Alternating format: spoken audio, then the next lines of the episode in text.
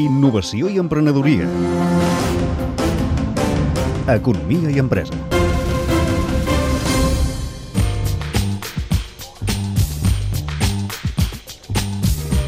Tota la roba que hi ha al mercat està pensada i dissenyada per estar dret i nosaltres el que fem és roba per estar sentat amb un patronatge específic en forma de quatre en, en els pantalons, amb parts de dalt fàcils de posar i treure i amb el component moda.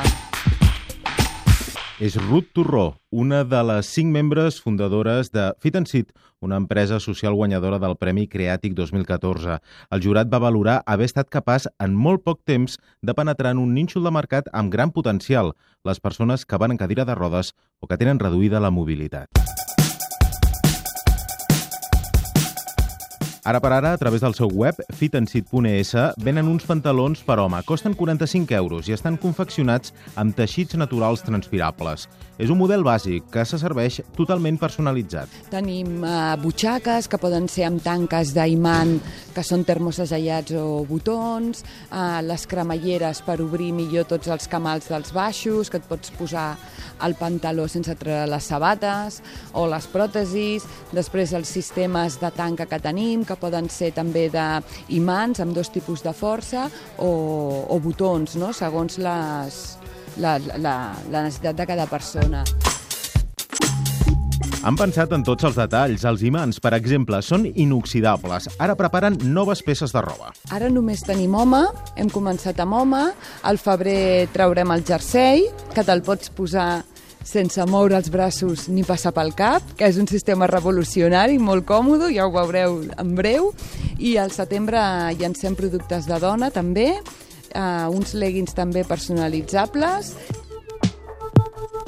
per aconseguir l'èxit ha estat bàsic escoltar les necessitats del consumidor final. Ha sigut un treball i un esforç de visitar i conèixer tots els tipus de discapacitat, eh, les dificultats que tenen, què necessiten, què els agradaria i connectar molt bé amb el teu client final, no? escoltar què volen ells, no què nosaltres pensem que és millor per ells. Hem fet una investigació de més de 100 centres, hem tastat molt bé els productes, millorant, aprenent també, provant, i ara estem molt segurs dels productes que traiem al mercat i del que tenim. Però també hem d'anar a poc a poc, ara traiem un, eh, dintre de poc traurem l'altre, la feina més grossa de desenvolupament de productes sí que l'hem fet. Actualment Fitancit disposa d'una residència al viver d'empreses del Tecnocampus de Mataró.